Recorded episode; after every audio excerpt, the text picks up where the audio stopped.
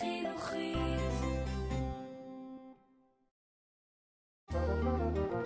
סוד עסיס וצבע המשוררת ריקי דסקל מגישה את המילים מאחורי השירים.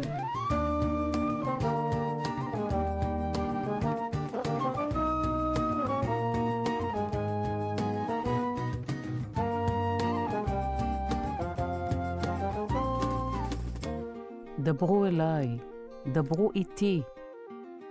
שלום מאזינים יקרים, כאן ריקי דסקל, והפעם שירה המדברת על ילדים שונים מילדים אחרים, אך גם דומים להם מאוד.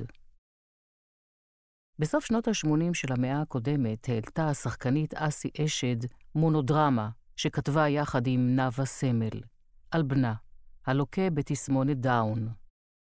הילד מאחורי העיניים היה שם ההצגה, ואני זוכרת ממנה רגע אחד פיוטי ונוגע ללב, בו היא בודקת את הילקוט של בנה, העומד ללכת לראשונה לבית הספר, ומוצאת שם אצטרובל, שהוא טמן בילקוט. התמונה הזו צבתה את הלב ונחרטה בזיכרוני.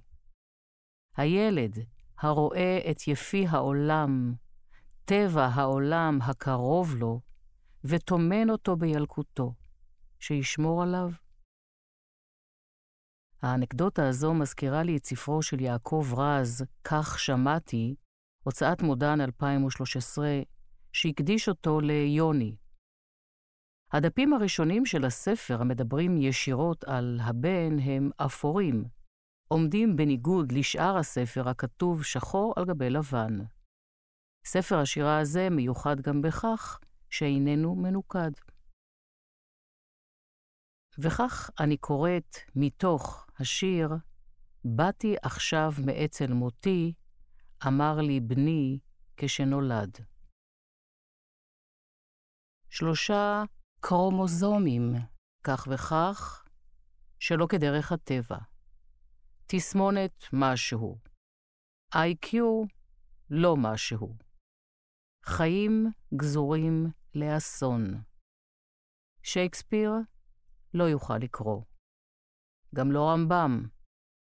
אולי ספרי ילדים, אם בכלל. לעולם תלוי. לעולם אחר. והילדים האלה, הידיים שלהם כאלה, והעיניים, ומהי תוחלת החיים? אצל אשד ואצל רז, הדברים ברורים וחד-משמעיים, אין מקום לפרשנות אחרת. אך השירה אוהבת מאוד את המסתורין, את האפשרות לאחוז בחבל משני קצותיו. כך בשיר מבוקש מאת אדמיאל קוסמן מתוך ספרו סמרטוטים רכים. מבוקש מבוקש מקום שקט, עליו תונח הנפש, לכמה רגעים בלבד. מבוקש מקום שישמש מדרך לכף הרגל, לכמה רגעים בלבד. מבוקש עציץ, עלה, גבעול או שיח, שלא יקום ויתקפל כשהיא תבוא, לכמה רגעים בלבד.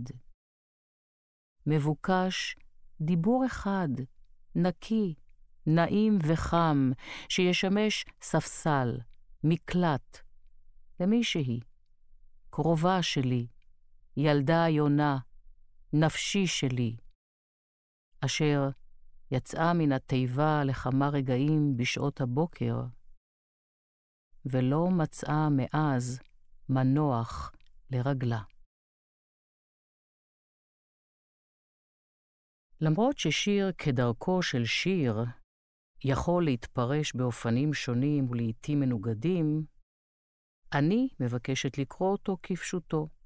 זכותי, כקוראת, לפרש את הדמות הנקבית שהמשורר מכנה אותה קרובה שלי, ילדה יונה, נפשי שלי, כפשוטו של מקרא.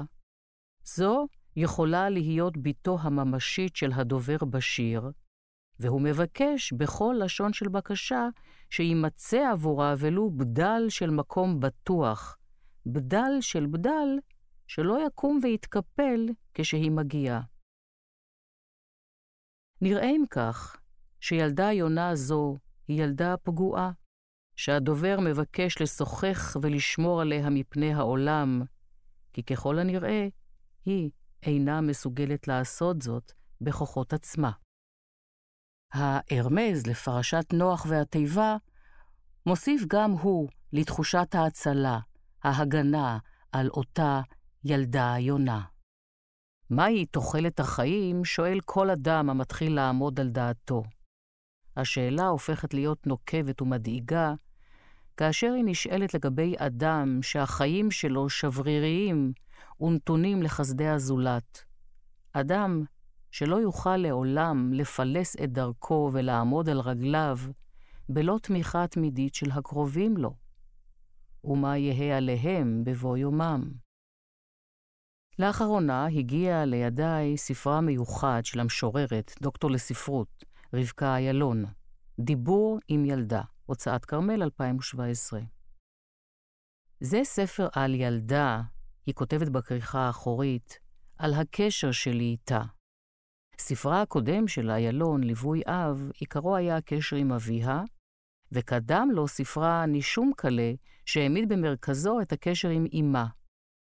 יצא כך ששלושת ספריה האחרונים של איילון עסקו, לפי עדותה, במשפחה. על הילדה בדיבור עם ילדה, איננו הקוראים יודעים הרבה. דבר לא נאמר מפורשות, אלא שרוב השירים נסובים על יחסי סבתא-ילדה, לא סבתא-נכדה, אלא סבתא-ילדה.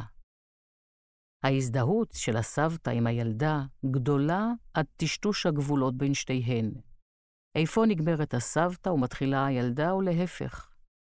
כאמור, דבר לא נאמר מפורשות בשירים, אך תוך קריאה צמודה, הקשבה צמודה לדיבור שעולה מן השירים, יש ניסיון נוגע ללב להבין שפה, הקשרים, ראיית מציאות שאין בה ממה שאנחנו, האנשים הרגילים, רגילים בהם. אדגים את דבריי בשיר י"ב בספר. כותרות השירים הן אותיות האלף-בית. קחי את עצמך לים. שבי, יושבת, יושבת, רואה איך ים מגרש ים. לא מוצא מנוחה. רואה שמש מגורשת. פתאום נסגר לה חצי. פתאום כלום. רבע. מה שנשאר, פס, פסיס. אחר, עין, אדום. למי מכוון הציווי קחי, שבי? למי מכוונים הפעלים יושבת, רואה? והתמונה העולה מן השיר היא תמונה של שקיעה באופק הים. אך הראייה שלה היא כל כך מיוחדת, הגלים החוזרים ושבים הם ים המגרש ים. השמש מגורשת עד שאין דבר אדום.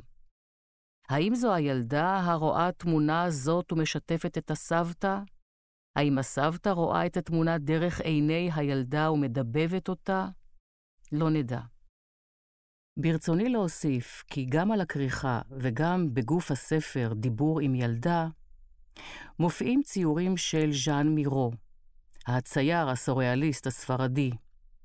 בצבעוניות העזה שלהם, ובמרכיבי הציור הנראים כאילו לא קשורים האחד לשני, הם מתאימים עד מאוד לתכני השיר. שימו לב בבקשה לצירופים הילד מאחורי העיניים של אשד. כך שמעתי של רז. מבוקש דיבור של קוסמן. ולשם ספרה של רבקה איילון, דיבור עם ילדה. מתוכם אני שומעת את שוועת הכותבים, להטות אוזן, לראות את האחר, להקשיב, לדבר עם מי שנראה לנו שלא שומע ולא מבין את העולם הזה, כשהם, המשוררים, יודעים מהיכרות אינטימית, קרובה, משפחתית, שבלבבות הילדים האלה מסתתר כוכב זוהר של תום ואהבה, של אצטרובל, שכל זרעוניו נפוצו ממנו. לאיפה תיקח אותי השירה בפעם הבאה? אולי למשהו אפל ועם פחות, פחות רחמים.